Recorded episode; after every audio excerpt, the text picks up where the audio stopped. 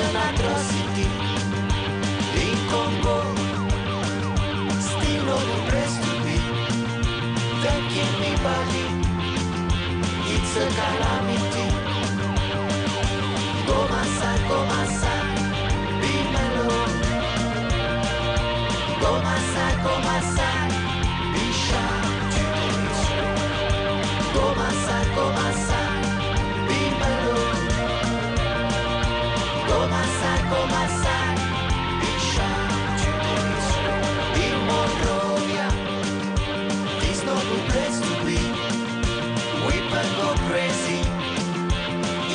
patrocínio.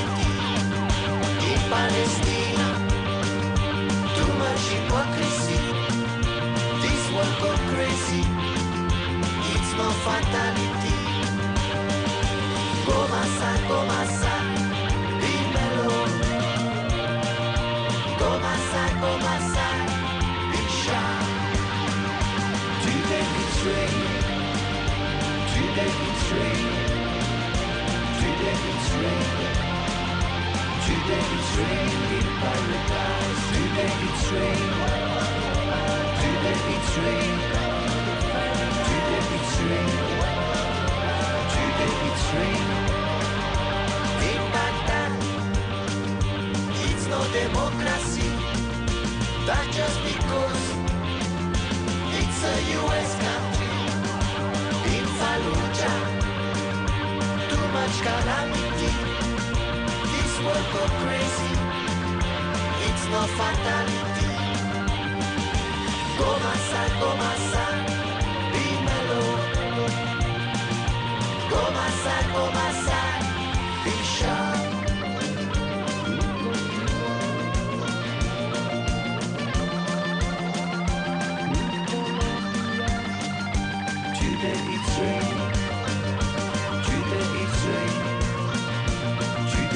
Es Manu Chao en lo que es su último disco, La Radiolina, y uno de los temas más famosos del, disco, como es Raining in Paradise. Manu Chao, que por cierto es un buen cronista de lo que está sucediendo en este mundo, un poco loco, realmente. Ramón Chao, Ramón Chao su padre, músico también, escritor, periodista, padre del cantante Manu Chao y hermano del teólogo José Chao Regó. Ramón Chao nació en Vilalba, en Lugo, en el año 1935. Colabora en diversos medios periodísticos desde hace ya muchísimo tiempo. Es autor también de una larga obra. Emigró a Francia en el año 1956 para estudiar piano. En París dirigió emisiones radiofónicas en galego que serían prohibidas por Franco. Fue corresponsal de la revista Triunfo por aquel entonces. Redactor jefe del servicio mm, América Latina en Radio France Internacional. Fue, por otro lado, también nombrado Caballero de las Artes y las Letras por el gobierno de Francia en el año 1991. Vamos a hablar de dos de los últimos libros que ha publicado, como son Las Andaduras del Che y también de Memorias de un Invasor, ambas editadas por Efecto Violeta. Le damos la bienvenida a Ramón Chao, que se encuentra en París. Ramón, muy buenas noches. Hola, buenas noches. Sí, Yo me pasaría la emisión escuchando el, el discos de Manu, ¿eh? pero bueno, habrá que hablar. Oye, pues algo lleva, bueno, me imagino que lleva mucho de, de la sangre esta del, de, de- bueno, de entre músico, bueno, arte... de sangre mía, ¿quieres decir? Eso es, porque se combina, ¿eh? porque tú también eres músico, ¿no? Bueno, sí, además yo le enseñé, yo le enseñé piano a él y a Antoine, a mi otro hijo, y ambos crearon después Mano Negra. O sea que, y si quiero ya ir un poco más lejos, que te va a sorprender, eso fue todo gracias al lingüista, eh, al semiólogo Roland Barthes, que fue el que me convenció a mí que regresara al piano. Y entonces, cuando ellos me oyeron tocar, se quedaron boquiabiertos y compré, compré inmediatamente un piano y les, les di clases. O sea que Mano Negra y Manu Chao salen de, de Roland Barthes. Ya, bueno, y los has seguido muy de cerca. Ahí está tu libro, Un tren de hielo y fuego, Mano Negra en Colombia, del año 1994. Sí, claro que sí, y otras veces he ido con ellos y con Manu hice un viaje muy largo por toda España en moto, cada uno en su moto para ir a, a Compostela, no a Santiago, a Compostela para de- y para eh, demostrar que Santiago no existía, vamos, nunca estuvo en España. El que está enterrado allí es Prisciliano y Manu me acompañó en todo el periplo. Sí, también sois bastante viajeros, ¿no? Tanto Manu como tú, Ramón. Sí, sí, sí, sí. Yo, yo mucho, ¿eh? eh en moto he hecho muchos viajes solos y solo y largos, ¿eh? Y en coche no me gusta, ¿eh? eh tiene que ser en moto. Eh, pero eso sí, he ido por ahí, por toda Euskadi, he, ido por el norte hasta hasta Finisterre y todo, no, mucho, mucho. Y tengo un proyecto, ¿eh? que, que espero realizarlo, por supuesto, antes de morirme. Es escribir un, un viaje desde Escocia por todo el Atlántico hasta el sur de Portugal para escribir un libro sobre el eje atlántico. ¿eh? el arco atlántico. Y eso es uno de los proyectos que quiero realizar todavía. Sí, bueno, este arco atlántico que tiene bastante también de celta, ¿no? Hombre, claro, pero casi todo. Casi todo. Casi todo. Además, yo insistiría mucho en los países celtas, claro.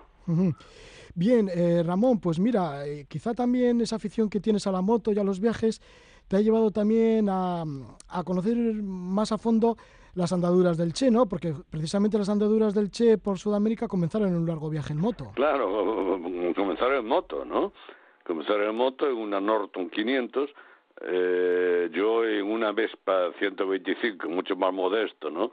O sea, pero sí, me interesó mucho cuando me propusieron, en primer lugar me propusieron escribir un, el prólogo para una edición del diario de motocicleta del Che escribí ese prólogo hace como unos 15 años y, luego ahora con motivo del eh, septuagésimo aniversario de su de su nacimiento pues eh, me, decidí a ampliarlo y darle otro contenido. Sí, bueno, al Che no lo conociste. No lo conocí, no, no. lo conocí. Pero sí que estuviste en Cuba en el año 1970. Bueno, el Che murió en el año 67 en Bolivia, en 1967, tres años después. Sí, sí, sí, sí. Sí, Y, bueno, ¿y te interesaste en este primer viaje por, por Ernesto Guevara y un poco su biografía y así? ¿En qué consistió este primer viaje a Cuba? Mira, eh, te digo que no te oigo muy bien, ¿eh? Ah. Pero bueno, me parece que me hablas de su viaje, ¿no? Sí, bueno, era tu, te preguntaba un poquito ese por tu primer viaje a Cuba también en el año 1970. Bueno, sí, el primer viaje a Cuba fui un poco clandestino porque había ganado un premio en Radio La Habana, yo estaba en Radio Francia Internacional y gané un premio y los de Radio Francia Internacional no me dejaban ir. Entonces fui clandestino, fui clandestino. Eh, no fui oficialmente, eh, traje el premio, pero tampoco hablé mucho ni dije nada en la radio, ¿no? Pero después ya fui varias veces y, y bueno, he ido total como unas diez veces. Pero bueno, eh, en aquel viaje conocí a Fidel, eh, estuvimos en una recepción, no, no lo conocí así mano a mano, estábamos diez o quince, ¿no? Y, bueno, y ahí ya empecé a... Bueno, yo a Cuba la quiero desde siempre, ¿eh? desde que nací en mi casa, en mi pueblo, en mi, eh, teníamos un hotel y estaba lleno de, lo, de cubanos, eh, a, llamamos cubanos, a los gallegos que se habían ido y vuelto, ¿eh? indianos en realidad, pero vamos, le cubanos a todos, aunque fueran argentinos, eh, cubanos y, y recibíamos el Bohemia y carteles y yo me enteraba de todo. Eh, había fotos de mujeres en, en paños menores, había declaraciones importantes, así descubrí yo a Dionisio Redruejo cuando empezó a ponerse eh, contra Franco. Y así me enteré yo mucho de, mucho de la política internacional gracias a, las revistas cubanas. Y cuando Fidel eh, se fue al monte, yo tenía dos ídolos. Uno era Fidel y otro era eh, Giuliano en Italia, Salvatore Giuliano. Eh, o sea que siempre he tenido una gran predilección por Cuba. Bueno, aparte de eso, ya me paro de hablar hasta que no preguntes otra cosa. Yo creo que yo soy nieto de cubanos, de un cubano. Es decir, mi abuela huyó del pueblo de Villalba, porque le pegaba a su marido, se fue a Cuba y supuso servir en casa de un ministro de la gobernación, del, eh, del ministro García Colli. El García Colli tenía, por supuesto, derecho de pernada y le hizo un hijo, y ese hijo fue mi padre. Eh, y a partir de ahí, y, el marido, que se había quedado en Galicia, el borrachín, el que le pegaba, fue a buscarla y apareció asesinado. Se imagino que el jefe de policía le habrá dicho al, a un esbirro, oye, ese gallego de mierda, suprímelo porque me está fastidiando. Mm. O sea que tengo muchos lazos con Cuba. Sí, muchos lazos, ¿no? Y en este libro, Las andaduras del Che, de alguna manera haces eh, una similitud, ¿no? Entre Don Quijote, que por cierto, creo que el, Quijote lo has leído como por lo menos diez veces. el Quijote me lo leo entre libro y libro. Cada vez que termino un libro, eh, hago dos cosas. Me hago un tatuaje eh, sobre un motivo, una imagen de, que represente el libro, y me leo el Quijote, porque viviendo, hay que hacerlo siempre, por supuesto, pero cuando vives fuera, que no hablas el idioma eh, de, tu, eh, de tu país y el idioma en que escribes, pues eh, te, te cedes mucho a las invasiones de, de, aquí en este caso de francés, ¿no? al vocabulario, a la sintaxis. Así que el Quijote yo cada vez lo vuelvo a leer. Y mira, hay una frase de Covarrubias de, en el eh, Diccionario de Autoridades que, eh, Covarrubias da la definición de, una palabra y luego hace una observación, un comentario personal. Del libro dice, eh, conjunto de hojas, de páginas pegadas por el lomo y tal, y después dice, Dios nos libre del hombre de un solo libro, porque en siendo este bueno, hácense irrebatibles sus opiniones. O sea que yo soy hombre de un solo libro. Pues hay el Quijote, ¿no? Y, el Quijote. Sí, y en este libro que has escrito, Las andaduras del Che, haces un paralelismo entre las, las andanzas del Quijote y Sancho Paza con Ernesto Guevara y su compañero Alberto Granado en ese viaje por Sudamérica en moto. Sí, porque claro, yo cuando leí, cuando leí las andanzas de, vamos, el viaje de, del Che y de Granado, pues me di cuenta de que había muchas semejanzas con el Quijote en primer lugar cuando salen del pueblo que y la madre y la tía del Quijote y la sobrina que lloran no te vayas a, al Che le dicen lo mismo y después eh, le encomiendan a a este a, Granado que lo cuide bien porque además era asmático. En el otro eh, le dicen a Sancho Panza que tenga que lo cuide también porque está loco el pobre. Y, y después en cada parten de, de Argentina un, médico eh, idealista, comunista, que era Granado, y un muchacho aventurero, que sería más o menos escudero, que era el Che. Y parten de allí, el Che en camino eh, se mete en muchos líos de faldas, eh, lleva una vida de pícaro, eh, para comer pues eh, va de gorrón todo lo que puede.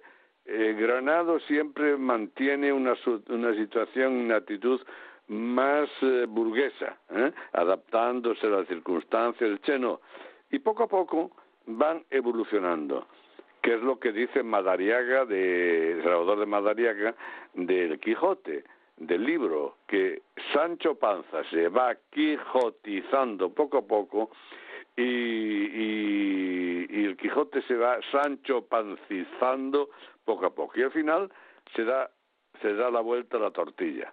Y en el caso del Che igual. El Che sale de Sancho Panza se va evolucionando va evolucionando va cambiando. Eh, habla con un charlatán eh, checo checoslovaco no sé dónde y lo convence y se hace comunista pero comunista, digamos, comunista sin partido. O sea, se hace comunista, anarcocomunista. Mientras que, mientras que Granado se va adaptando y al final llegan al final del viaje y Granado regresa para ejercer medicina en Argentina y el Che vuelve a la revolución y así. Bueno y también ya esto no es ya no es el ya no es el Quijote es que al final el Che se cree más que el Quijote porque se cree Jesucristo. No sé si, perdón, no sé si Cristo es más que el Quijote, ¿eh? no lo creo, pero bueno, él se cree Jesucristo, resulta que llevaba en la mochila un, un, poema de León Felipe escrito por su puño y letra que decía no vine a traer la paz sino la sangre, las lágrimas y tal. Y era, era el, a Cristo. El, y así. Y eso es lo que hice, vamos, la evolución de los caracteres. Sí, en este libro, Las andaduras del Che. Y otro de los libros que has recientemente publicado es Memorias de un invasor. Aquí eh, juegas con un oficial francés de la época napoleónica que va por, por Galicia. Sí, bueno, bueno va, va por toda España, ¿eh?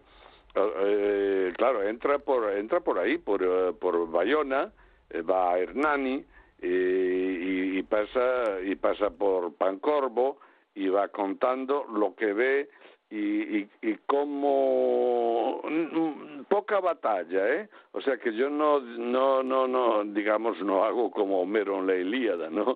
Que no hace más que contar batallas. Yo no, yo, yo cuento eh, situaciones, anécdotas, muchas anécdotas, eh, el recibimiento que le hicieron a, a, José Bonaparte en Madrid y, y luego cosas que, que acontecieron, por ejemplo, en un momento el, el, oficial este se para en una venta, se para en una venta, pide una habitación y va a la habitación y había un señor en la cama. Y entonces va a protestar y dice, no, no, no, es que esta es una es una un albergue de de, de dos eh, de dos limpios y dijo eso qué significa eso significa que a usted le certifico que el señor ese no tiene ni ni ni sarna ni ni ni ni, ni, ladillas ni nada y que y le sale muchísimo más barato pues eso existía en España y eso era como los hoteles ahora, son de tres estrellas, de cuatro estrellas, y antes era de dos, de cama para dos señores. Y, y muchas anécdotas así, que no te voy a contar porque sería muy largo, pero hay algunas muy bonitas. Y luego el señor este, el comandante apócrifo, eh, se da cuenta, sobre todo después de la batalla de Elviña en La Coruña y de Camariñas en Galicia también, se da cuenta de la salvajada que están haciendo los franceses y eh, le entra miedo, le entra miedo, digamos, moralmente, le, le, parece insoportable y se hace el enfermo, se hace el enfermo y la enfermedad se convierte en una enfermedad de verdad, de, de psicosomática de verdad y tiene que regresar a Francia, abandonar el ejército y entonces se pone a escribir estas estas, memorias. Sí, que son las memorias de un invasor. Pues muchísimas gracias por estar con nosotros, Ramón Chao, por habernos dado algunos apuntes de los últimos libros que, que has publicado, como Las andaduras del Che o Memorias de un invasor, ambas editados por Efecto Violeta. Que vaya todo bien, Ramón. Pues un abrazo, ¿eh?